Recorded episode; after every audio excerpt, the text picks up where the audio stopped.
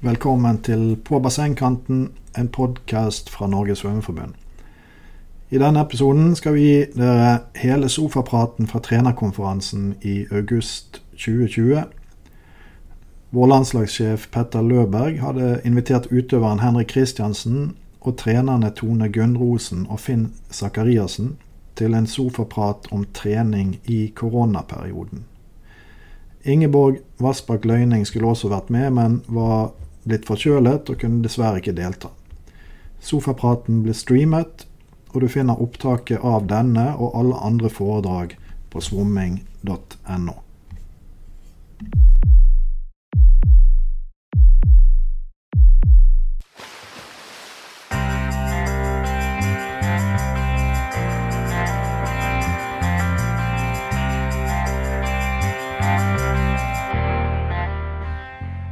Ja, det ble en litt annerledes vår enn vi hadde tenkt oss. Eh, Henrik var på Mallorca på treningsleir når vi var på vei til å stenge ned Norge, og de måtte komme seg hjem så fort som mulig.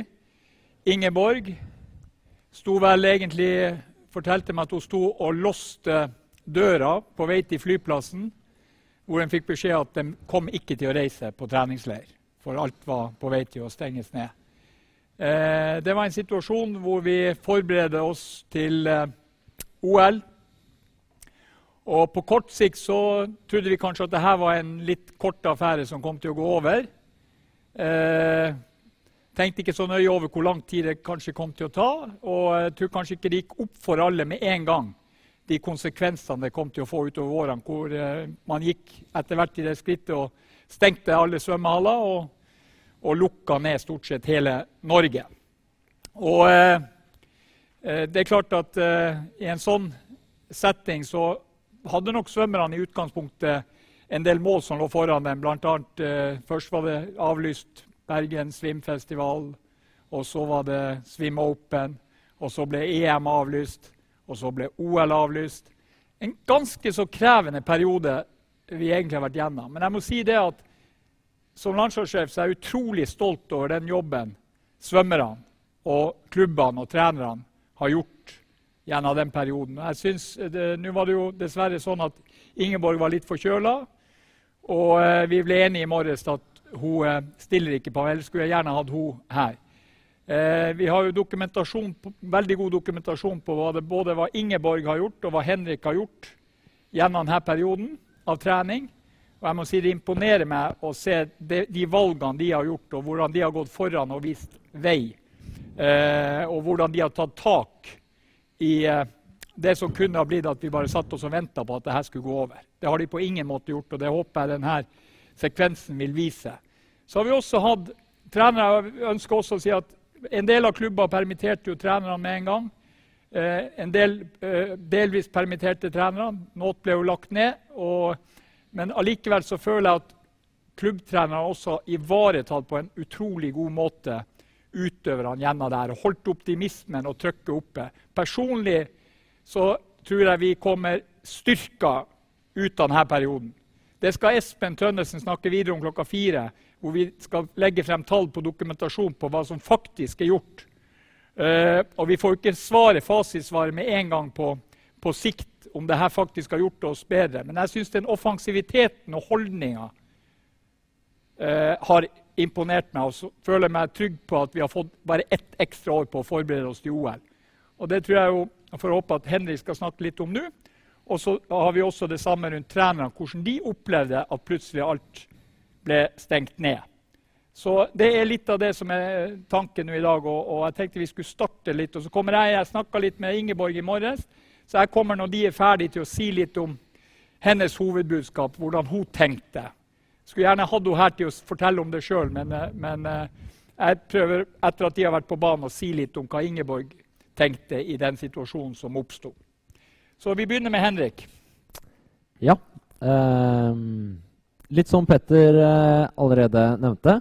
Vi var jo på Mallorca, på klubbleir, da Norge begynte å stenge fullstendig ned.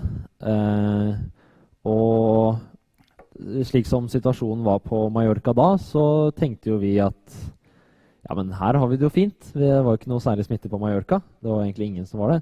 Tenkte jo sånn, Hvis det nå bassengene stenger i Norge, så kan jo vi bare være igjen her eh, og trene hvor det er fint. Men eh, så fikk vi beskjed, da. Nei, i morgen stenger bassenget her også. Så da måtte vi jo hjem. Eh, og da var det jo først eh, to uker med karantene. Eh, og jeg tror nok ingen egentlig tenkte det at vi kom til å sitte liksom her nå i august og ja, fortsatt være så påvirket av, av uh, koronasituasjonen sånn som det vi er nå. Men, men, det vi var veldig forberedt på der og da, var det at uh, Og det vi i hvert fall bestemte oss for med en gang, er at ok, nå må vi bare iverksette en skikkelig plan hvor vi må tenke på alt som da er av trening og egentlig hele, hele situasjonen rundt, som sørger for at når jeg kan komme tilbake igjen, så er jeg så godt rusta som jeg kan være. Så det var jo det vi begynte med i starten. Uh, jeg, fikk, jeg, var veldig heldig og fikk låne masse utstyr fra Olympiatoppen. Så eh, jeg flytta, jeg flytta ned i kjelleren til mamma og pappa og hadde fått meg en ergometersykkel og stakemaskin og vektskiver og medisinball og, og you name it hadde egentlig alt. For de første ukene så var det jo så jeg, De første to ukene skulle jeg jo ikke ut. Så da var det da var det tett opp mot eh, Da var det 25 timer eh, Tett opp mot 30 timer trening i uka. Bare nede i kjelleren sitte og se i veggen. Eh, det var jo ikke veldig gøy. Men, men, men vi, vi, lagde en plan som var ekstremt god og strukturert, og vi hadde, vi hadde lagt opp uka på samme måte som vi vanligvis legger opp en uke. Jeg kommer til å gå litt inn i hvordan vi la det opp eh, senere. Men det det gjorde, da, var det at jeg klarte å fortsatt være i den samme moduset som jeg er til vanlig når jeg trener. At det var Jeg dro ikke Eller jeg sto ikke opp og trente bare for å holde meg eh, i gang. Eller bare sånn OK, i dag skal jeg bare trene litt. Jeg sto opp og da gikk ned i kjelleren og trente for å bli verdens beste svømmer. Og det var noe av det vi diskuterte. Vi hadde, vi hadde noen Teams-møter med usikker på hvor mange personer det var som var med på de møtene. Men det var eh, sikkert en eh, ti-tolv eh, ressurspersoner som var med og planla hele disse ukene som jeg skulle gjøre. Og hvor alle sammen da skjønte da var vi ferdig med møtet at ja, ok, nå vil Henrik trene best i verden i denne perioden. For det var det jeg, det jeg gikk ut og bare sa til alle sammen. At det var der vi satte standarden. Um, så så uh, hvordan de ukene så ut, var jo uh, vi, vi, prøvde å gjøre det ganske likt som, som vanlig uke. Uh, og på vanlige uker så har jeg, så har jeg uh, tre nøkkeldager, hvor det da er tre dager med harde treninger, som da er tirsdag, torsdag og lørdag. Og da prøvde vi å opprettholde den, den rytmen og den syklusen. Eh, så på, så på vanligvis på tirsdager så har jeg to, to svømmeøkter eh, hvor begge er harde, både morgen og kveld. På torsdager så kjører jeg som regel en, eh, en intervalløkt på på mølle rett før jeg går ut og kjører en hardøkt på svøm også. Og på lørdag morgen så er det én en enkelt eh, hardøkt. Så da prøvde vi å gjøre det samme egentlig med, med, uh, med det jeg kunne gjøre da. Det var jo sykling, og det var staking. Uh, det, det, det, jeg glemte å si da, før, altså, I denne her perioden så hadde jeg også en betennelse i kneet. Så det var ikke så veldig mye trening på land jeg egentlig kunne gjøre. Så det var litt kjipt når jeg skulle ut og kun trene på land. Men det som gikk an for meg, var å sykle. Så i løpet av disse ukene, og i løpet av en vanlig uke, så ligger jeg på rundt rundt 3,5 til 4 timer effektivt arbeid på høy intensitet. Eh, sånn totalt sett i uka.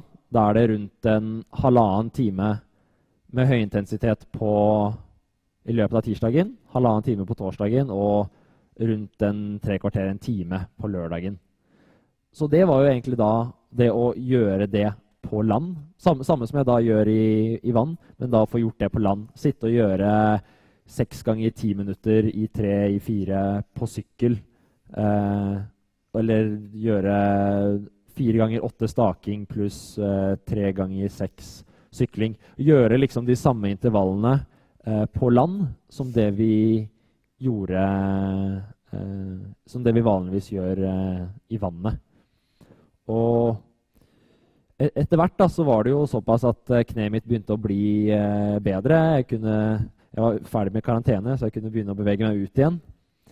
Vi hadde en litt morsom uh, seanse uh, hvor uh, Espen, som sitter baki her, mente at ja, jeg burde jo prøve meg på rulleski. da. og jeg har aldri vært noe særlig god til å stå på ski.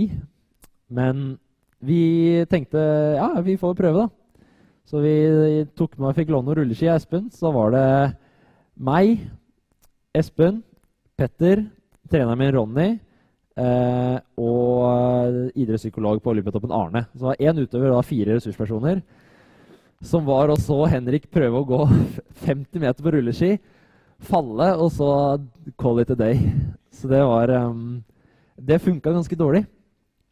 Eh, så vi fant jo fort ut at hvis jeg skal få gjort mye lange økter eh, ute og få gjort, få gjort mye mengde, så var det sykkel som var det beste. Eh, så det jeg også fant ut, var det at å sykle ute var veldig mye morsommere enn å sykle inne. Så jeg gikk på Finn, kjøpte meg en uh, racersykkel til 5000 eh, kroner, og den ble mye flittig brukt. Den hadde noen uh, den lengste sykkelturen jeg hadde i løpet av hele en korona, har vært en 160-70 km. Eh, og det var liksom sånn Fikk pusha litt grenser for meg. Jeg hadde aldri jeg, sittet på en sånn landeveissykkel før. Jeg visste ikke hvordan man giret. Så det var uh, Det fant jeg ut til slutt. Men, um, men klarte å finne mye glede i det. Eh, fant ut at mye av den treningen vi gjorde på land, egentlig var ganske spennende. I hvert fall den syklingen. Eh, og jeg var veldig glad i det å få gjort noen sånne langturer. Jeg pleide å, så jeg hadde fast på fredager en fem-seks timers tur, egentlig. Eh, og følte at jeg liksom sånn trivdes veldig godt med det. Jeg klarte å pushe meg selv litt og altså utfordre meg selv. Sykle liksom lengre og lengre økter og sykle steder jeg aldri hadde vært før. Det var egentlig veldig spennende så begynte vi også en del med, med, med bakkeløp. Uh, så, jeg, kroppen min er ikke så veldig glad i å løpe. Jeg har noen eh, knær som ikke alltid spiller på lag, og sliter litt med beininbetennelse. Men det å løpe oppover var noe vi fant ut var en ekstremt god trening og ganske skånsomt. I tillegg til å gå, uh, gå på mølle med staver i motbakke. Det her er sånn som Espen kommer til å ta opp mye senere. Så jeg skal ikke gå veldig mye inn på detalj. Men altså, det det handlet om, var jo det at vi fant måter å kunne trene like hardt og like mye på som det jeg vanligvis ville gjort i vannet. Så på en, altså på en, vanlig treningsuke i vann så er jeg jo opp mot ja, rett i underkant av 30 timer med trening totalt sett. da, Med svømming, styrke, basis, uh, utholdenhetstrening på land, whatever. Uh, og de samme mengdene var jeg oppi på land. Jeg vet at Det var veldig mange som først tenkte sånn at ja, men det går jo ikke an å gjøre så mye på land. Men det gjør jo det. Det, det var noe jeg fant veldig eh, greit ut av. at jeg kan ikke jeg kan ikke begynne å trene mindre nå. Jeg kan ikke trene dårligere i korona og forvente å bli noe bedre av det. Basert på det jeg fortalte til alle disse ressurspersonene i det møtet, at jeg ønsket å trene best i hele verden i, i koronatiden, så kunne ikke jeg da trene noe dårligere enn det jeg allerede gjorde. Jeg måtte da utvikle meg. Så vi hadde noen ganske, ganske heavy uker hvor vi var oppe og pusha ganske mye mengde hadde lange turer på sykkel. Hadde ganske lange økter hvor jeg sto med stakemaskin montert i murveggen og sto og dro. Og det var ikke veldig gøy, men det var jo det jeg måtte gjøre. Og jeg slet aldri egentlig med å motivere meg selv, siden jeg hadde liksom hele, hele tiden målene mine i bakhodet om at jeg ønsker å bli best i verden. Og da er det egentlig ganske lett å motivere seg selv for all den treningen. Men uh, så, så, det var jo egentlig litt sånn kjernen av det hele. At vi, vi brukte litt tid på det å finne ut av hvordan vi skulle trene uh, like mye, og hvordan vi skulle legge det opp. Men, men, men, det at vi ikke trente noe dårligere i korona, var liksom det viktigste. At du kunne gå inn og, og trene bedre, nesten, enn det, enn det, jeg har gjort tidligere. For å, for å, utvikle meg. Det var egentlig det viktigste med, med hele perioden. Flott, Henrik. Eh, er jeg på, ja? Ja. ja. Eh, kjempefint. Du får noen spørsmål senere, men jeg tenkte yes. kanskje at vi skal, selv om du ønsker litt mer taletid, så eh, skal vi la Tone få slippe litt til. For så kan vi komme tilbake med litt spørsmål til deg eh, etterpå. Så hør litt, Tone, hvordan du fra et trenersynspunkt opplevde det å være i den situasjonen at uh, hallene ble lukka igjen, og, og, hvordan du opplevde det fra din side. Du er jo trener for bl.a. Fredrik Solberg, som tok en fjerdeplass i VM. Vår beste funksjonshemma parautøver i dag. Ja. Eh, ja, jeg skal snakke litt om eh, hvordan Tønsberg svømmeklubb gjorde det, og så tar jeg Fredrik etterpå. De to første ukene så jobba jeg som normalt. Det er også en 80% stilling, 30 timer i uka. Det var ganske mye å holde seg oppdatert på. Det var mye mailer og spørsmål, og også prøve å så fort som mulig finne en god plan for utøverne. Hva de skulle holde på med når svømmehallen var stengt. Så det tok to uker før jeg ble permittert, og da ble jeg 60% permittert. Som tilsvarte at jeg skulle jobbe tolv timer i uka. Eh, det var viktig for min del at jeg fikk lov til å jobbe de tolv timene. Fordi jeg hadde et stort ønske om å få lov til å opprettholde kontakt med alle utøverne mine. Og kunne ha tid til å ringe dem hver uke. Men også lage ukeplaner til hver og enkelt av de som ønska det, og som hadde behov for det. Samt lage eh, varierte og morsomme basisprogrammer for det på en måte som gjorde at uh, de forsto øvelsene og hva de skulle gjøre, uten at jeg kunne være der og vise dem det. Um, og da var det også å sette seg inn i nye programmer for å få det til å gå og få det ut. Vi brukte Facebook veldig aktivt for å nå ut til alle sammen på, i, i, den perioden. Um, og det fungerte greit. Uh, det er selvfølgelig noen som er lettere å snakke med på telefonen enn andre.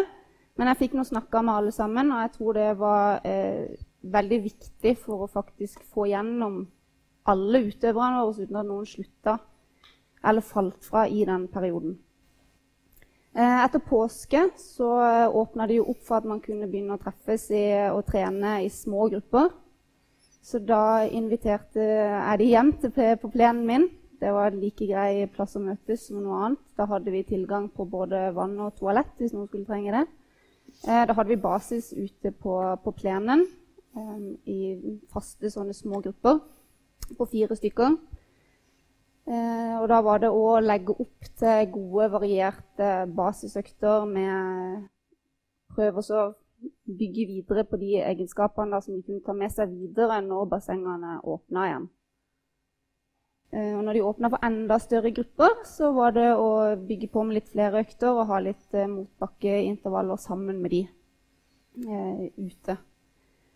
Det er ikke så veldig mange bakker i Tønsberg, så det er den eneste plassen vi kunne ha det er sånn eh, litt sånn ikke trafikksikker, så det ble liksom litt eh, Istedenfor å ha mange treninger i uka, så måtte vi ha litt mindre grupper, da. For jeg hadde jo fremdeles bare disse tolv timene å planlegge og evaluere og gjennomføre alle økter på. Så det ble ikke veldig mye, men det ble litt. Um, og det var veldig godt oppmøte på disse, alle disse basistreningene og motbakkeløpstreningene. Jeg tror de satte veldig pris på å endelig kunne få lov til å trene sammen. Uh, og motbakkeløp er ikke noe som har vært en stor suksess i klubben tidligere når vi har prøvd på det. Men etter å ha vært så lenge alene og trent på egen hånd, så virka det som om de var liksom skikkelig klare for å endelig bli pusha litt på trening. da. Så det var veldig godt oppmøte på disse treningene. Eh, og sånn holdt vi på til bassenget åpna igjen 1.6. når det gjelder Fredrik, så eh, hadde vi litt, litt, mer trening der, da. Eh, jeg jobber også for Vang, som har 20 stillinger. Eh, det er to økter i uka. De stengte vi ikke ned på noe som helst måte. Da ble det heller mer jobb. Eh, Fredrik og meg og familien hans sin og min samboer vi tok ganske tidlig et valg om at vi skulle utvide våre kohorter til å bli én kohort, sånn at Fredrik og meg kunne treffes og ha trening sammen. Og da brukte vi den skoletreningstida da, til å ha eh, trening enten hjemme i Tones koronagym, som jeg hadde lagd i garasjen, eh, eller så kjørte vi frem og tilbake til Oslo for å være på Olympiatoppen når det var åpent, og trente styrke der. Um, ganske tidlig så fant han ut at uh, han skulle bestille seg et basseng som han skulle ha ute i hagen hjemme hos seg for å ligge og få litt vannfølelse og ha litt variert trening. Tok jo litt tid før dette bassenget kom, og det var vel egentlig like greit, for det var ikke kjempevarmt i starten av april der. Men det bassenget kom uh, etter hvert, uh, og det fungerte egentlig veldig greit. I starten så lå han og plaska litt for seg selv. Da hadde han jo vært ganske mange uker ute av bassenget. Etter hvert så begynte vi også å kjøre litt trøkker. Han bestilte seg også stakemaskin. For i likhet med Henrik her da, så har ikke han verdens beste knær, så det er litt begrensa hvor mye han kan løpe. Så det var et godt alternativ. Vi også fikk innspill fra både Espen Tønnesen og, og Sindre på styrkeavdelinga oppe på Olympiatoppen. Um, ja, så vi fikk gjort eh, en del sånn variert arbeid, eh, trening, og det var veldig viktig for å få Fredrik gjennom den perioden. Vi det, vi fikk jo koronaen litt tidligere enn dere andre slengt i ansiktet. For vi skulle egentlig vært eh, på World Series-stevne i uh, uke ni nord i Italia. Så på søndag kveld så holdt vi på å gjøre oss klare. Vi skulle være på Gardermoen ganske tidlig på mandag. Sånn I ni-halv ti-tida på kvelden så kom beskjed om at uh, det er avlyst. Og det var litt sånn Å ja, er det blitt så alvorlig? Uh, og vi merka det at ting begynte å bli mer og mer ble avlyst av stevner og konkurranser. Um, så det ble, ble, jo veldig tydelig etter hvert at dette PL-et kommer jo ikke til å bli noen ting av. Um, og når vi fikk den endelige bekreftelsen på det, så var jo det selvfølgelig utrolig kjipt. Uh, og jeg tror lufta gikk litt ut av ballongen hos Fredrik i hvert fall han fikk litt tid hvor han bare fikk lov til å gjøre så mye trening som han egentlig følte for å gjøre. Han fikk lov til å samle tankene sine litt, komme over den verste skuffelsen som naturligvis kommer i en sånn situasjon. Men etter to uker så var han klar og egentlig mer gira enn noen gang for å kunne trene igjen. Men det som var viktig da, var å, å holde treninga variert og morsomt. For å visste jo ikke hvor lenge vi kom til å holde på som dette. her Åpner bassengene i mai eller i juni, juli, august. Så for å holde dette interessant så var det viktig at det var litt av det han hadde lyst til å gjøre. Og liksom gjøre, gjør om planen litt. Da. Så, altså I tillegg så må jeg jo eh, si at det, det hjalp vanvittig mye disse møtene som vi hadde en gang i uka med landslaget. For jeg merka jo en veldig sånn endringsholdning hos egentlig alle utøverne fra å gå fra å være liksom småskuffa til å, at de liksom backa hverandre opp og begynte å si ja, men da har vi jo et år til å trene på. Det var én som begynte med det, og så spredde den tankegangen seg. Og det var liksom Det tok alle til seg, og det hjalp veldig mye å ha det forumet der å snakke i, og at de kunne backe hverandre opp og liksom komme fram til dette her at Fader heller, nå kan vi trene et år til. Det er jo bare supert for oss. Vi er unge utøvere. Og Det, det merka på innstillinga og humøret og innsatsen til, altså til, Fredrik også, at det var, det var noe som skjedde der. da. Så det var helt supert. Kjempeflott. Da eh, sparer vi litt spørsmål til deg, og så går bare rett på Finn og får en liten eh, situasjonsrapport hvordan du opplevde situasjonen borte i Stavanger. og hva som skjedde der. Ja, jeg er på. Gud. Nei, det er jo litt eh, det samme som uh, de sitter og, og, forteller her. Som Tone sier, så uh, har vi jo smått, men sendt begynt igjen. og Den 12. mars ble det vel stengt ned. Den 20. mars sånn, rent organisatorisk så var vi alle permittert. Midt i april eh, kom vi vel tilbake i 20% og kunne se svømmerne igjen. 1. mai var det vel oppe i 40, tror jeg. Og så var det 1. juni hvor vi kom i vannet igjen. Det var det 80 for trenerne. Og eh, nå 1. august så har det vært 100 igjen. Så det har jo satt sin naturlige begrensning i forhold til hvor mye trener kan jobbe sånn rent organisatorisk. Men eh, det første vi gjorde, i hvert fall mellom 12. mars og 20. mars, hvor vi eh, gikk i full permisjon, det var å lage plan frem til påske. Og Da eh, fikk vi sendt den ut til alle de elleve gjenger der i eh, Stavanger svømmeklubb akkurat nå. Og eh, Da hadde svømmerne i hvert fall noe å gi seg til på landtrening. Og vi har brukt alt hva vi kunne komme i tanke om av alternativ trening eh, til vel å merke helt nede fra rekruttnivåsvømmere eh, og helt opp til eliten, vel å merke. Og så Etter hvert så har det jo kommet mer og mer trening på. Trinnene har vært mer og mer inne. Det har vært brukt hager, det har vært brukt gym, skoleområder, det har uh, brukt fotballbaner, løpebaner. Vi har vært ute og syklet en god del òg. og generelt så kan man vel si at alle har vel avfunnet seg litt med situasjonen og så gjort det beste ut av det. Det er den følelsen jeg sitter litt tilbake med. Og selvfølgelig er vi alle sammen veldig glad for å være helt tilbake i vannet. Og I Stavanger er vi relativt privilegert med en uh, god kommune, og vi har faktisk alle våre uh, grupper i gang akkurat nå. Um, jeg vet ikke om jeg skal gå mer i dybden enn en det akkurat nå, hvis det kommer spørsmål. Nei da, Vi kan komme tilbake. Jeg kan jo bare følge opp litt nå før vi går på spørsmål uh, videre til dere. Litt med den praten jeg hadde med Ingeborg. Jeg kjenner jo igjen veldig mye av det Henrik sier, eh, i forhold til måten Ingeborg også valgte å gå inn i denne perioden eh, på. Eh, det er jo mange måter å løse det på. Jeg tror jo, som du sier, Vi var jo opptatt alle sammen av at kunne, eh, altså vi kunne se på det her som å bare legge inn håndkle og, og, og, vente på at det skulle gå over. Eller så kunne vi se på de positive tingene. Det er jo noe som jeg føler Henrik absolutt gjorde.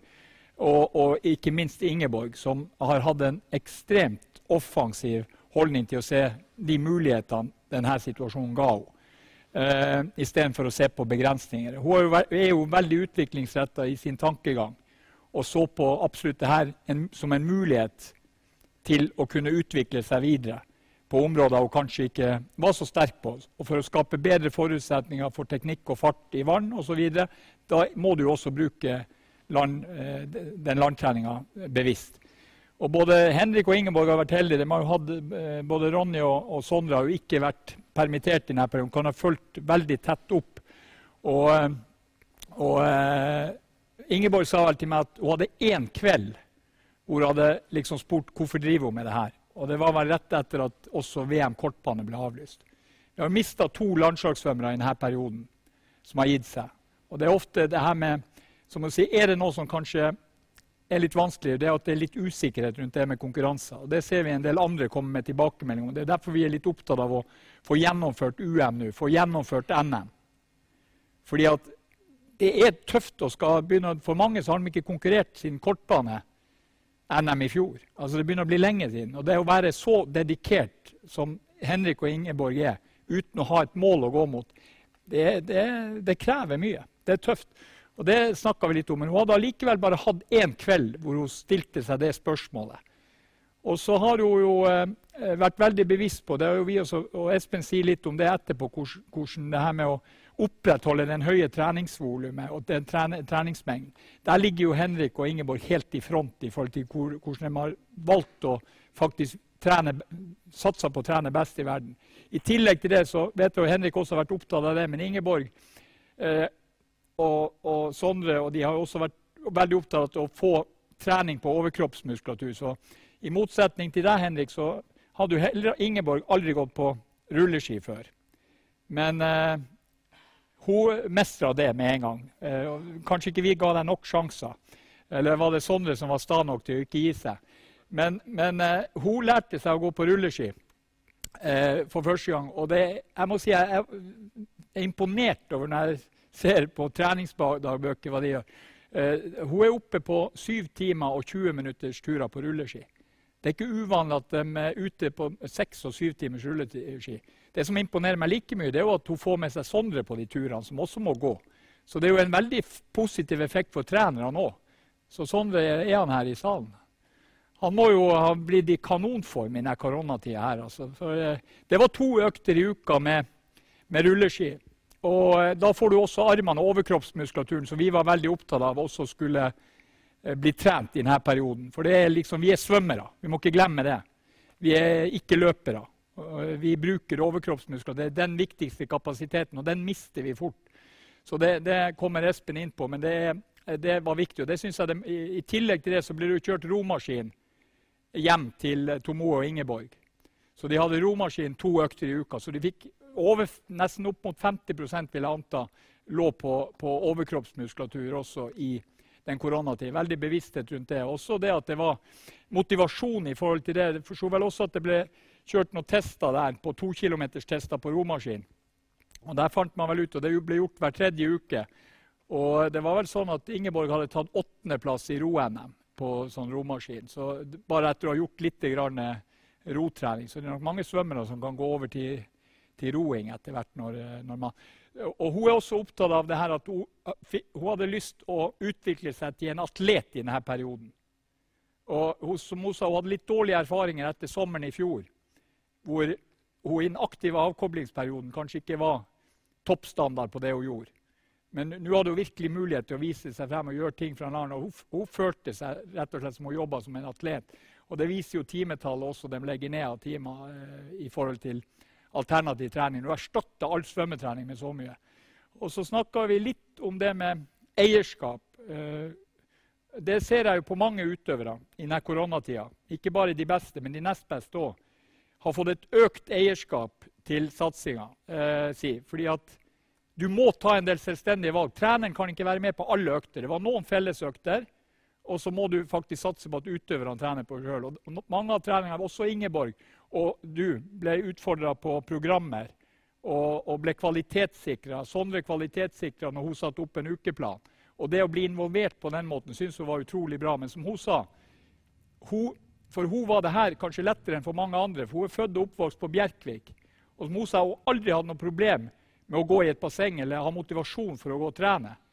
Det er jo faktisk hun som har motivert andre for å få dem til å komme. For når hun var i Bjerkvik, så var det jo ikke sånn at det alltid var trener der. Så da måtte hun få mormor og tanter og venner til å komme og låse henne inn. Og da drev hun trente på egen hånd. Hun fortalte også om episoder i oppveksten hvor hun, bassenget var stengt i to måneder for å løme. Og hvor de måtte reise eh, til Setermoen for å få et par økter, men stort sett så var det bare landtrening.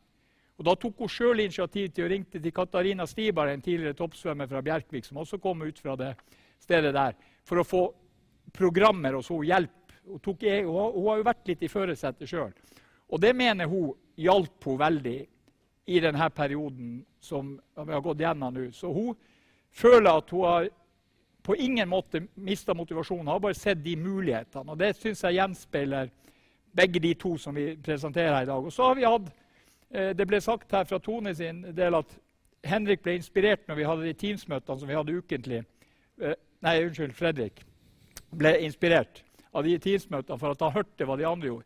Men jeg må innrømme det, altså, jeg har også fått tilbakemeldinger fra utøvere som også har liksom vært i den andre enden, at de skjønner ikke hvordan dere fikk til å trene så mye. Og det har nesten gått litt på å slå på motivasjonen. Hvordan får dere til å trene 25-30 timer alternativ trening i uka? Og Vi la jo lista på at vi ønska at de skulle trene alle landslagssvømmere på senior burde komme seg over 20 timer i uka. Så det var en viss form for variasjon. De tallene viser jo Espen i neste presentasjon.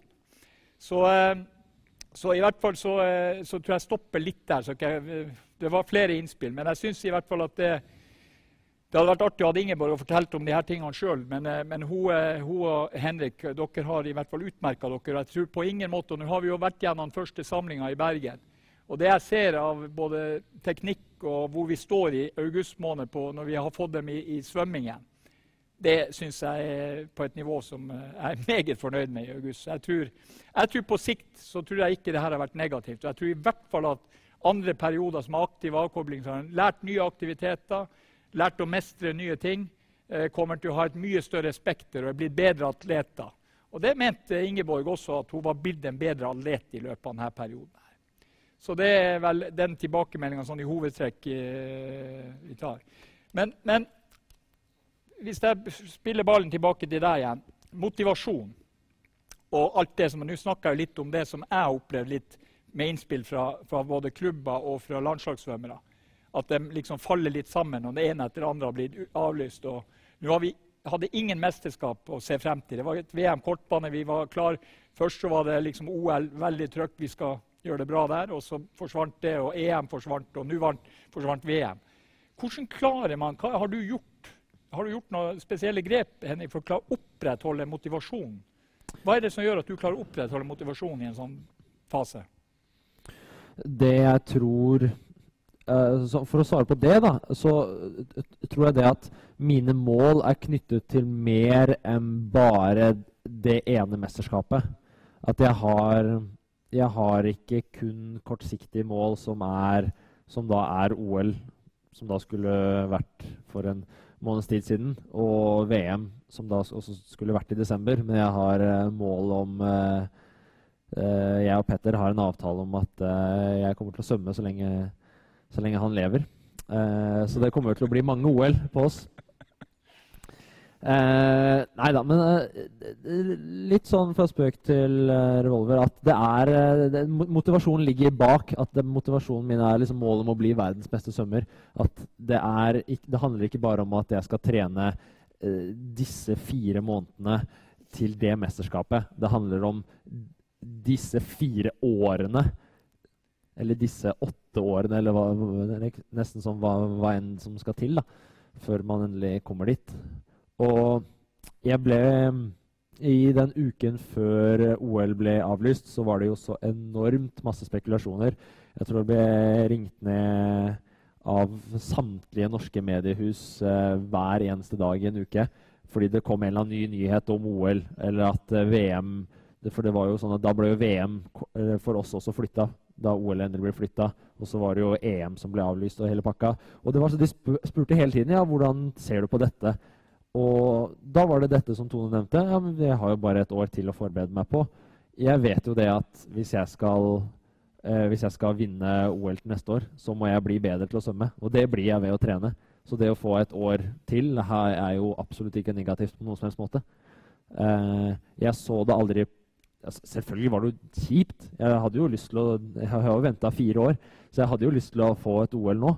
Men, men at det ble at det ble flytta, det gjorde meg egentlig ingenting. Det, det, hadde ingenting å si for den motivasjonen min. i hvert fall. Jeg følte aldri på noe knekk. Jeg følte aldri på noe fall i motivasjonen. Det samme gjaldt, samme gjaldt EM, samme gjaldt VM, egentlig. Alt mulig rart. Eh, hadde, jeg hadde så klare mål bak disse mesterskapene at det var hele tiden At jeg på en måte hele tiden lå høyt og var motivert. Ja. Veldig bra Jeg kan godt tenke meg å følge opp eh, Tone med deg. Altså, hva så du som de største utfordringene i denne perioden? Du, eh, hvis du skal se, hva var de største utfordringene du følte på som trener i denne perioden? Det var vel å følge opp og vite at, du, at jeg fulgte opp utøverne mine godt nok. For når man sitter og snakker med dem over telefonen, så er det ikke så lett. Du får ikke hele konteksten. Du ser ikke Du ser det ikke. Du ser ikke kroppsspråket, og det er, det er lett å bare sitte og svare ja, og det går bra, og det er ikke noe problem. Men å vite at, uh, at de faktisk gjør den treninga som de fører i treningsdagbøker, eller som de har sagt at de har gjort, da. Vite at du kan stole på dem, at det blir gjort. Uh, det er jo for så vidt bare de selv det går utover hvis ikke det hadde blitt gjort. Men det er jo noe med å liksom, ja, vite at det faktisk eh, at de holder på, da, sånn at man har litt bedre forutsetninger for å gjøre ting riktig når vi en gang kommer tilbake igjen i bassenget. For det er jo klart at det er jo viktig for meg å vite om de har trent én gang i uka eller om de har trent syv ganger i uka. Det, når vi da skal starte opp igjen. Sånn at ikke jeg ødelegger de fullstendig for det at jeg tror de har trent masse. Og så har de mm. kanskje ikke gjort det. Mm. Men uh, mitt inntrykk var i hvert fall at uh, når vi begynte å trene sammen igjen, så så jeg jo at de aller fleste hadde trent bra. Og ja. Men det, jeg syns det er vanskelig. Du vet ikke Man sitter jo og snakker med dem om andre ting enn bare svømming også når man, man er sånn breddeklubbtrener. Eh, det kan være andre ting som du, som du ellers ville oppfatta som ikke du klarer å, å ta over telefonen da, eller over en eh, FaceTime. Så det syns mm. jeg var litt, uh, litt kinkig. Ja. Mm. Flott. Eh, Svømmeforbundet hadde jo en holdning når bassengene åpna igjen, om at vi var ikke bare fokusert Og det må jo vi være ærlige på, at vi var litt bekymra for frafall. Hva skjer eh, i forhold til svømming? Mister vi mange? Og da tenker jo En ting er å tenke i toppen, som vi jobber med, men også i bredden. Så Svømmeforbundet var veldig opptatt av å kunne, når bassengene åpne, så skulle ikke det bare være eh, de beste som kom inn i bassengene, men også bredden skulle få plass. Og Det syns jeg vi egentlig lykkes godt med. Og, og det var en god uh, tone blant uh, klubbtrenerne i forhold til at det selvfølgelig når bassengene åpner, så er det ikke sånn at Henrik og Ingeborg de begynner med 11-12 svømmetreninger. Det var en gradvis opptrapping. og Da ble det også plass til bredden inn der. Og, og Hva gjorde du uh, og dere borte i Stavanger i forhold til å differensiere Eh, Finn, i, i, når, bassengene åpner igjen. Hvordan differensierte dere, og hvordan tenkte dere i forhold til også koronatida for så vidt på, på de yngste? For nå har jo du litt mer oversikt over hele klubben. Altså, mm. Hva gjorde de beste, og hva gjorde de yngste? og hva, Hvor mye fellestrening og hvor mye individuell trening osv. Mm. Altså, I utgangspunktet så, så, var vi jo alle i samme båt, alle trenerne, for alle gjengene. Og uh, det med, med permittering 20, 40, 80 og så 100 igjen. Så de, alle gruppene har egentlig fått samme behandling opp igjennom. Og så har vi jo selvfølgelig hatt et, eh, et, en tettere oppfølging eh, på eliten og, og sånt. Og det gikk litt, eh, litt mer press på dem eh, i forhold til å opprettholde treningen og, og, og sånt. Eh, men eh, skal jeg si Uvissheten som var der, den, den var jo egentlig det mest frustrerende for å komme litt tilbake, eller for å ha det litt tilbake fra eh, det de sa oss i forhold til hva kommer. Hvilke stevner kommer, hvilke, hvilke muligheter kommer det der ute. Det var egentlig eh, det verste. Men, eh, men, generelt så har vi jo ikke differensiert gruppene. Vi har kjørt det felles fra, gang, fra permitteringsperiode til permitteringsperiode, egentlig. Så eh, de har alle vært i gang på samme tid med samme prosent, kan man si. Mm. Ja. ja. Flott. Ingeborg eh, sier også til meg det at eh, hun er ikke i tvil om at hun både mentalt og fysisk, mener hun, selv om hun ikke fortsatt kan, kan dokumentere alt, har kommet styrka ut av denne perioden. Hun føler, seg, føler at hun både mentalt eh, og flytta en del grenser, også fysisk. Hva tenker du om, om det? For vi, enda, vi, vet jo ikke helt om, hva om fremtida, Henry. Hva, hva, tror du? I, i forhold til, har, vi, har, har, det vært godt for norsk svømming å ha denne koronaperioden? Eh, har, vi, har, du tjent noe på det? Eller er det bare sånn at vi måtte komme oss gjennom det på best mulig måte? Hva tenker du om det?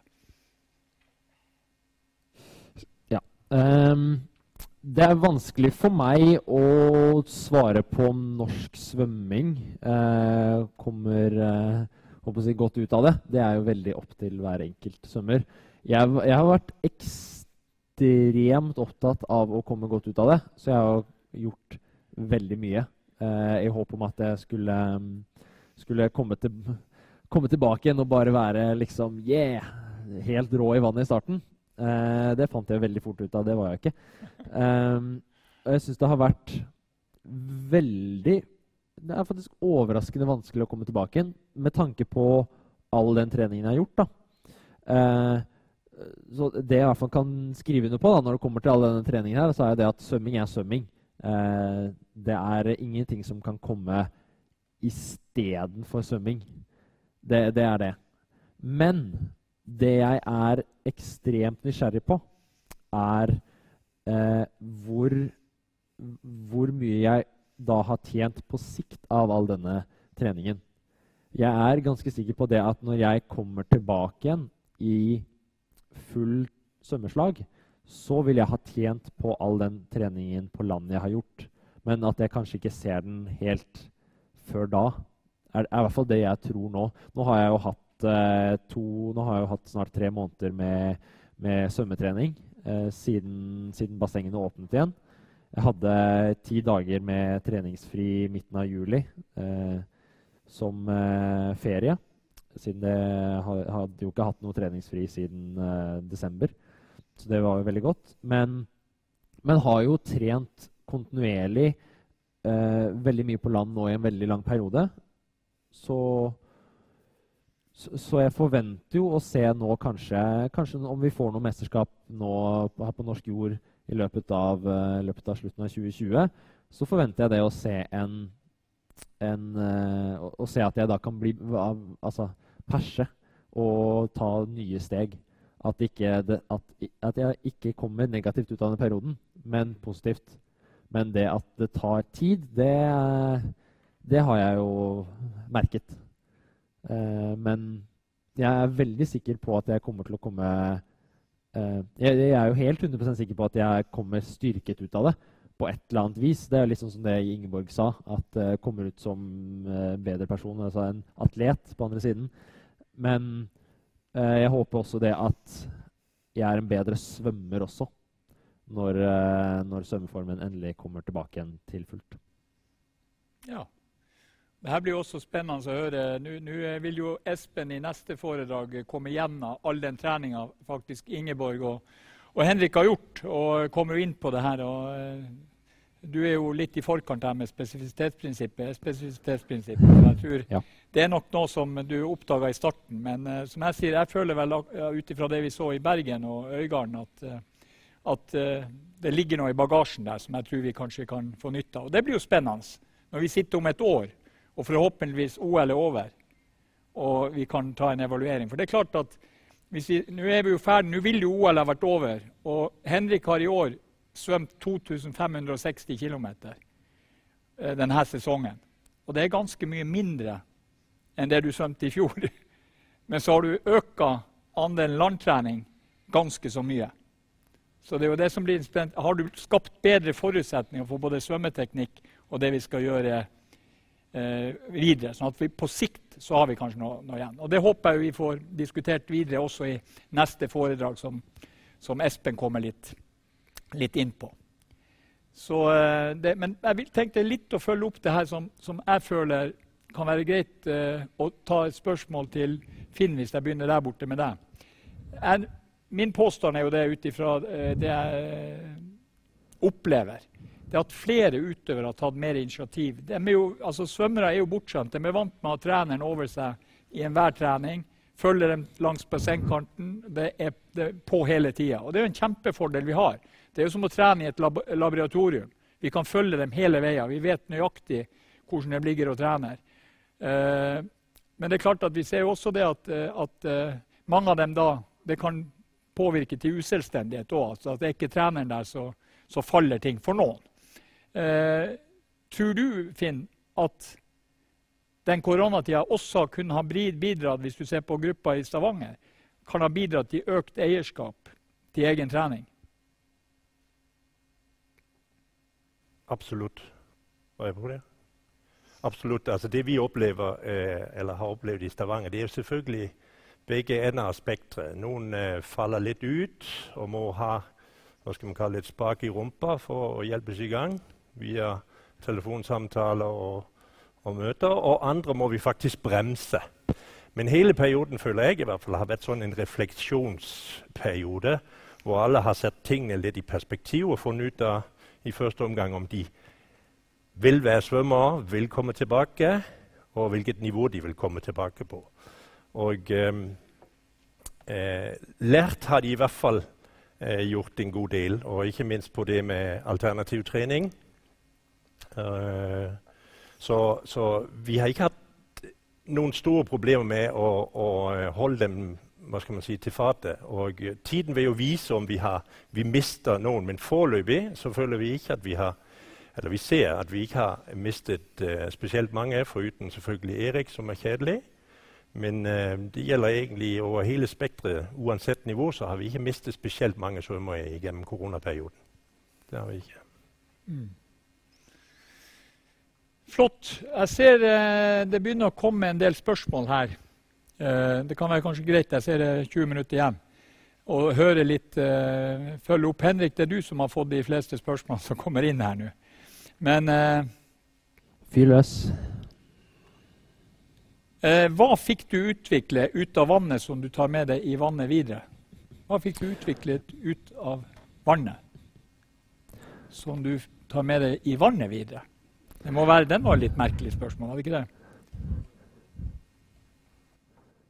Ja, ja, jeg skjønner i hvert fall spørsmålet. Skjønner du spørsmålet? Jeg tror jeg skjønner spørsmålet. Flott, for det Hvis jeg svarer helt feil, så må noen skrike ut. Um, det vi har hatt aller størst fokus på i denne perioden, og i den perioden som var eh, egentlig helt siden, siden, VM i fjor, eh, det har vært på å utvikle den aerobe kapasiteten.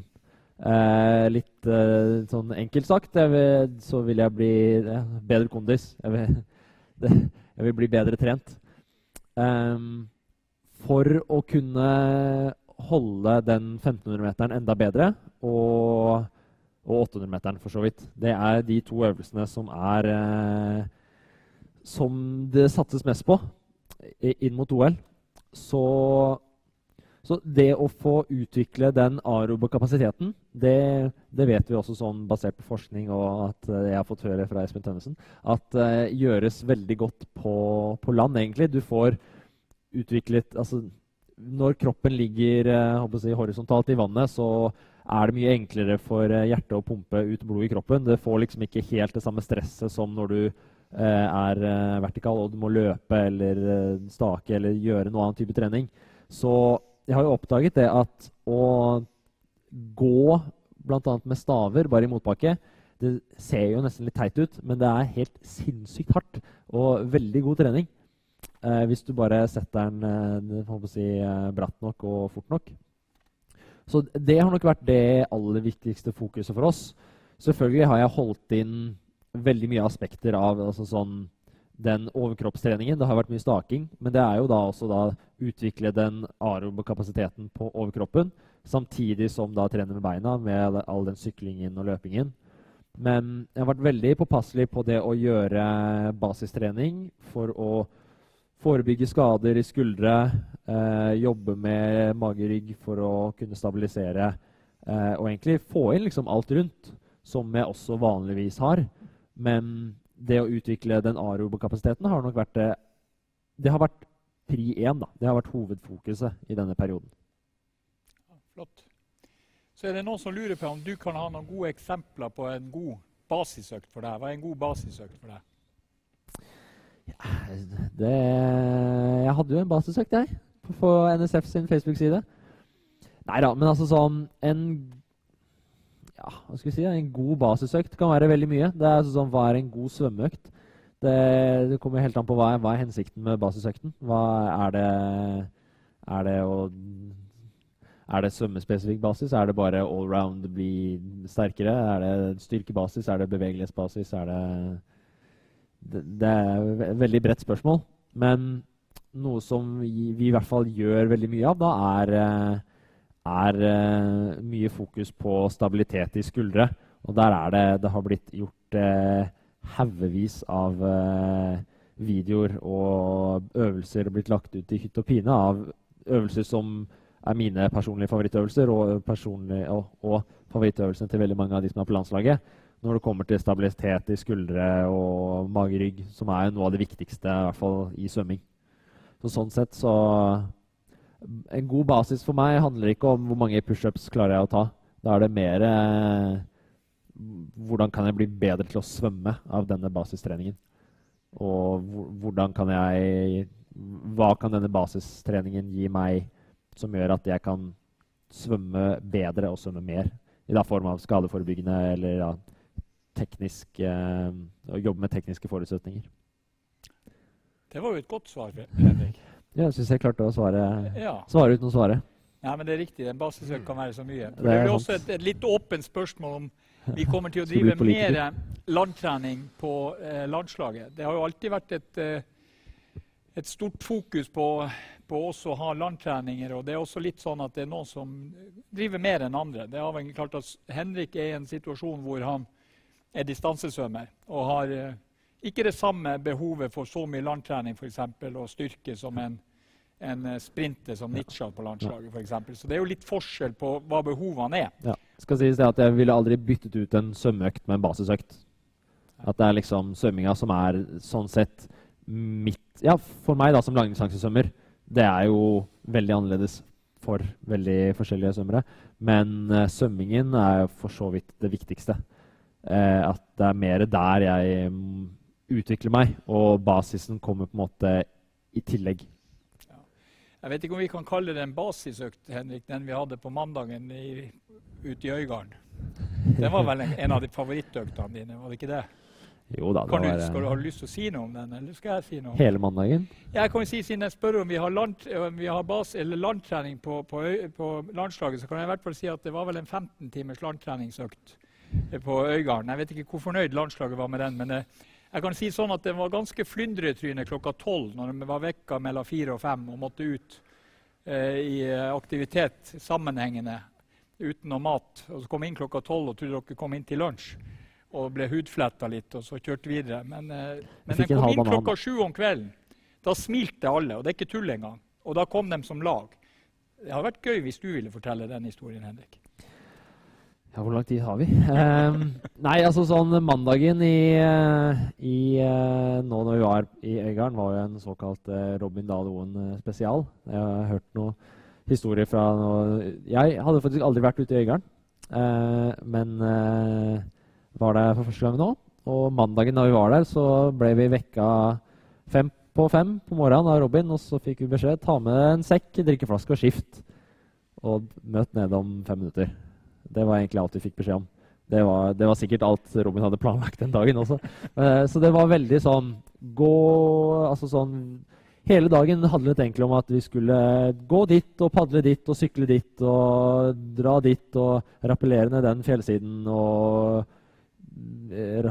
klatre opp igjen og gå dit og sykle tilbake igjen og padle ut og padle inn og fram og tilbake og fram og tilbake og svømme litt. Og.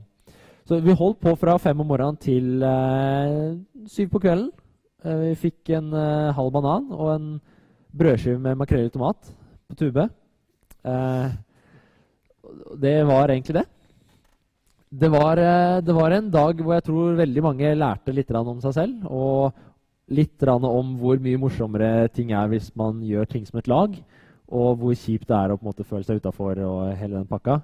Jeg vet at jeg eh, fikk, eh, ble hengt ut noe så sinnssykt av Robin fordi jeg eh, dro fra laget mitt. Det er noe jeg sitter nå og angrer litt på at jeg gjorde. Siden jeg vet jo det at det var ikke gøy for laget mitt.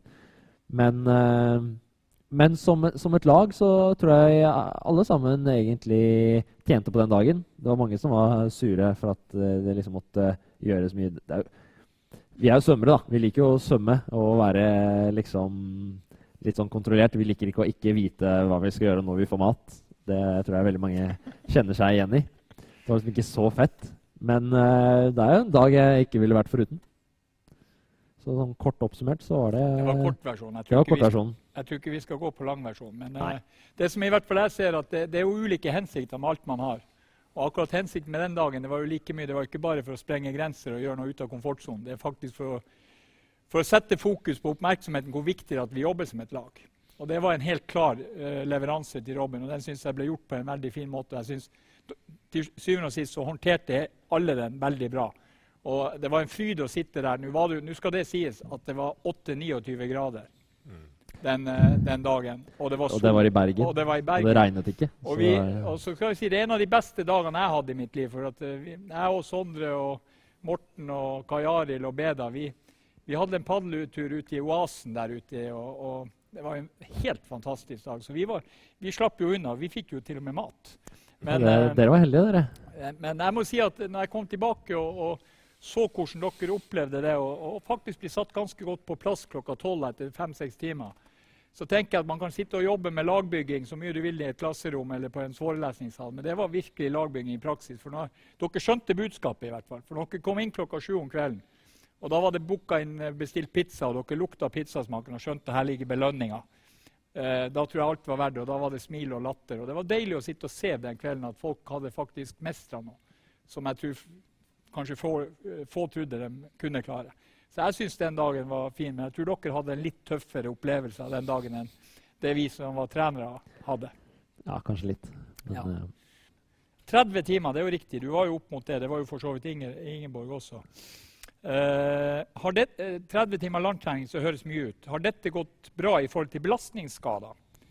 Eh, det er jo mer enn de fleste langrennsløpere noen gang gjør. Så er, har det gått bra i forhold til belastning? Har du hatt noen belastningsskader som du mener er en følge av den økte belastninga på land? Jeg, jeg startet jo hele det her jeg, med en betennelse i kneet. Uh, som jeg gjorde styrketre... Altså en eh, senebetennelse i kneet. Hvor eh, si, måten man blir frisk på, det er, eh, det er eh, styrketrening. Som, så det er jo et sånn tolvukersprogram med tre styrkeøkter i uka. Så det gjorde jeg jo parallelt med hele det her. Og se- selvfølgelig er det jo en økt belastning. Og og man må jo kjenne sine begrensninger. Jeg merket jo det at jeg kunne ikke ha mer enn liksom én løpeøkt i uka. Det var jo motbakke i terreng, siden jeg tåler absolutt ingenting. Men uh, å sitte på sykkel er veldig skånsomt. Det er omtrent som å svømme. Uh, så det handler jo om hva du gjør med Altså Du, du klarer uh, Du klarer nok mer enn det du tror, sånn sett.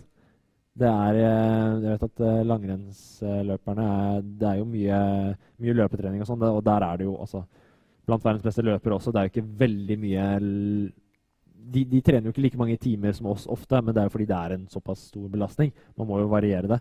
Men det at vi hadde så variert, gjorde det at timeantallet kunne komme opp. At det var liksom styrke, det var basis, det var bevegelighet, det var sykling, det var staking, det var løping, det var gåing i motbakke. Da har du plutselig veldig mange arenaer å kunne samle timer på. Så det var det det, handlet om for meg. Flott. Tone, du får et spørsmål at vi snakker jo mye om hvordan Henrik og Ingeborg og de andre svømmerne har klart å motivere seg gjennom den perioden. Men det er et spørsmål hvordan har du som trener klart å motivere deg gjennom denne perioden? Eh, ja. Det ble jo brått en annen hverdag å gå fra å jobbe veldig tidlig og veldig seint og alle helger til å plutselig skulle leve et helt normalt liv. Um, altså personlig så syns jeg altså Det er kjipt å være vekke fra utøverne sine. Men jeg fikk òg lov til å være sammen med samboeren min og gjøre andre ting. Og det syns jeg var veldig fint. Det var liksom utenfor min kontroll når vi kom tilbake og hva vi kunne gjøre. Jeg følte selv at jeg gjorde det jeg kunne gjøre med de rammene vi hadde med oppfølging på utøverne. Um, fikk jo tid til å gjøre litt andre ting, og det var Det var egentlig ganske greit. Få ting litt i perspektiv. Og ja. Få, få svømmetrenerjobben litt grann eh, på avstand. Og så få en liten klarhet i om er det dette man har lyst til å holde på med resten av livet, eller har man lyst til å prøve litt andre ting også. Har du kommet til noen konklusjon? Jeg har kommet til en konklusjon om at eh, jeg nok ikke kommer til å fortsette som svømmetrener i innen eh, nærmeste fremtid. På fulltid. Ja. Det var jo trist å høre. Vi trenger virkelig kvinnelige, dedikerte trenere i norsk svømming. Men det er alltid mulig å, å gjøre andre valg etter hvert. Så. Det tror jeg, og jeg tror det er viktig å prøve litt forskjellig, og så heller komme tilbake til det. For dette her er mer enn en jobb, dette er en livsstil. Og jeg tror at det er viktig at hvis man skal gjøre det, så skal man være 100% motivert, fordi at det går utover utøverne dine hvis ikke du er på hele tida. Og Da er det viktig å ha den eh, i indre motivasjonen. Men dette var noe jeg også hadde bestemt meg for før korona. Men det hjalp å sette det enda mer i perspektiv og vite at den avgjørelsen jeg har tatt, eh, var helt riktig. Flott. Eh, Finn, hvor fant du motivasjon til å hente inn gode landtreningsprogram? Lage gode program for utøverne dine? Nei, vi hadde vel allerede modeller på hvordan landtreningen skulle være i supplement til svømmetrening gjennom mange års uh, trening. Og ellers så syns jeg òg at uh, nettet er jo, jo ekstremt mye informasjon, god informasjon der ute. Uh, fagkompetansen via de møter vi hadde, syns jeg var veldig bra, og inspirasjonen der. Og så har vi et knallsterkt trenerteam i Stavanger svømmeklubb som kan utarbeide og utarbeidet eh, både basistrening og alternativ trening i alle muligens eh, utgaver for å stimulere eh, mest mulig. Um, ellers så føler jeg jo veldig mye at man blir motivert av å jobbe sammen med svømmere. Den stimulien det er å, å ha den dialogen, den ping-pong-effekten med, med, motiverte svømmere, det gir meg ekstremt mye til å jobbe videre som svømmetrener. 100 Så den, den, den føler jeg er veldig givende, i hvert fall. Flott. Henrik, vi kjører på. Nå går vi inn mot uh, slutten her, men det er et spørsmål her som er Hva gjorde du i koronaperioden som var helt nytt for deg? Og kommer du til å beholde, hva kommer du til å beholde den treninga du har gjort nå i koronatida? Si at det her har jeg lyst til å gjøre videre, også som du aldri har gjort før? Um, ja, som jeg nevnte, så hadde jeg aldri sittet på en landeveissykkel før. Uh, og det var egentlig noe jeg fant ekstrem glede av. Det å kunne sikkert mye bedre når det var fint vær. Vi har jo vært heldige med mye fint vær sånn sett i sommer. Så det å sykle lange turer eh, Egentlig bare få, få, en lang, fin tur på sykkel er noe jeg antakeligvis kommer til å fortsette med. Eh, litt sånn ikke bare pga. treningen, fordi faktisk det var ganske gøy. Men dette med noe av den treningen vi fant ut, mye av altså, bruk av staver på både løping og det å gå i motbakke, er ting vi kommer til å bruke aktivt uh, i treningen framover. Det er også noe jeg også har nå de siste to årene brukt ganske aktivt i treningen som, som et supplement til svømmetreningen. Det å ha en hard intervalløkt på, på, på mølla i uka. Så det, den kommer vi til å fortsette med. Flott. Du vurderte jo faktisk Du fikk ikke med deg sykkelen i sommer til Bergen, men uh... Nei, det, det, var, det, var, vi var jo på norgestur sammen, sammen med hele, hele, resten av Norge også. Så da var det jo det å vurderte å få med sykkel, men så var det litt, litt ja. vanskelig til tider. Ja, Det er også en del, det var faktisk to spørsmål her. En som hadde her. Brukte dere utesvømming til trening når bassenget var stengt? Var du, eh, det kan jo gå til der, var du noen gang i eh, open water eller ute? Altså, du nevnte jo at det var en del bassenger som ble brukt. Det vet vi jo. at uh, Det var noen som brukte motstrømsbasseng. Sondre har vel et motstrømsbasseng i hagen som noen av svømmerne var der og, og brukte litt. Og, og hvordan var det med deg, Henrik? der? Jeg fikk mulighet til å teste et motstrømsbasseng. Det var litt sånn spa-variant. Det fant jeg veldig lite nytte av, egentlig. Og vi var jo, hadde noen forsøk på noe open måte svømming, men men når det er litt for kaldt i vannet, da sliter jeg med å, med å få trent. Da er det, jeg, ikke, jeg er ikke Bjørn Soleng. Jeg klarer ikke å presse meg gjennom eh, det kalde vannet og trene uansett. Men eh, det var liksom sånn at når bassenget da først Det var jo liksom først når det ble 1. juni at det begynner å bli varmt nok i vannet til å liksom kaste seg uti med våtdrakt og trene. Eh, I hvert fall mye, som jeg synes. Så da, var, da hadde bassenget allerede åpna. I korona så var det veldig veldig lite svømming. Det var kanskje at jeg hadde én oppmåterøkt før, uh, før bassenget åpna. Det var egentlig that's it. Jeg fikk vel en sånn snap hvor du hoppa ut i et sånt vannski. Eh, vannski. Ja, vi, jeg og Beda var og testa et vannskianlegg der vi ble lovt at det var Ja, men her er det. Det er sånn det var to meter eh, dypt her, så her er det 16-17 grader her. Hoppa uti, fant ut at nei, det var det ikke. Gikk opp på land, sjekka. Det var ti grader. Sånn sånn Ja kasta bort uh, den tiden det tok å kjøre bort dit. Men uh, vi prøvde i hvert fall. Det gjorde dere. Veldig bra. Uh, jeg må jo si at jeg gleder meg. Det var veldig, veldig flott å, å høre fra Henrik sjøl, som jeg sier. og jeg skulle gjerne også hatt Ingeborg. Men nå får dere veldig god presentasjon av Espen hva de faktisk har gjort i denne koronatida. Han kommer til å gå mye mer igjennom den treninga som er gjort. Og vi har vært flinke. og og følge opp med treningsdagbøker, sånn at vi dokumenterer, sånn at vi faktisk kan se etter hvert litt på effekter. og sånn. Så det har vært dokumentert all trening, og det har faktisk landslagssvømmerne generelt vært flinke å dokumentere. Så, så, Espen kommer jo på plass her klokka fire, og da skal han snakke litt om Ingeborg og Henrik sin trening i koronatida, konkret, så han kan gå inn på det litt mer. Men jeg takker panelet for at dere stilte. Jeg syns det var kjempeflott å høre litt hvordan dere har lyst til. Og jeg tror det her skal bli spennende å se hva norsk svømming har hvor vi står når vi sitter her om et år kanskje, og tar en ny panelprat med Ingeborg også på plass. Mm. Så takk for oppmerksomheten.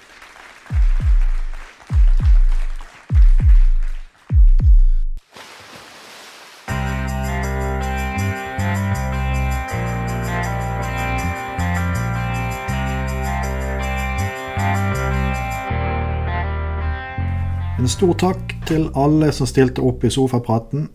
Vi håper denne timen har vært lærerik og inspirerende, og legg gjerne igjen din vurdering i podkast-appen din. Denne episoden ble tilrettelagt av Tore de Faveri. Vi høres.